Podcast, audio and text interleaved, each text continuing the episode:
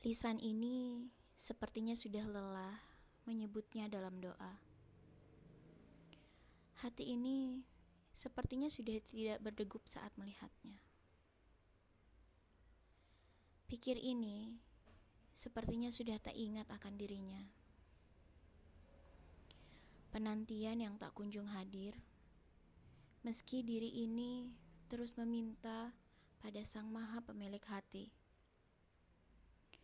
Lambat laun semua tentangnya mulai memudar. Fakta tersebut membuatku sedih hingga air mata tak mampu lagi menetes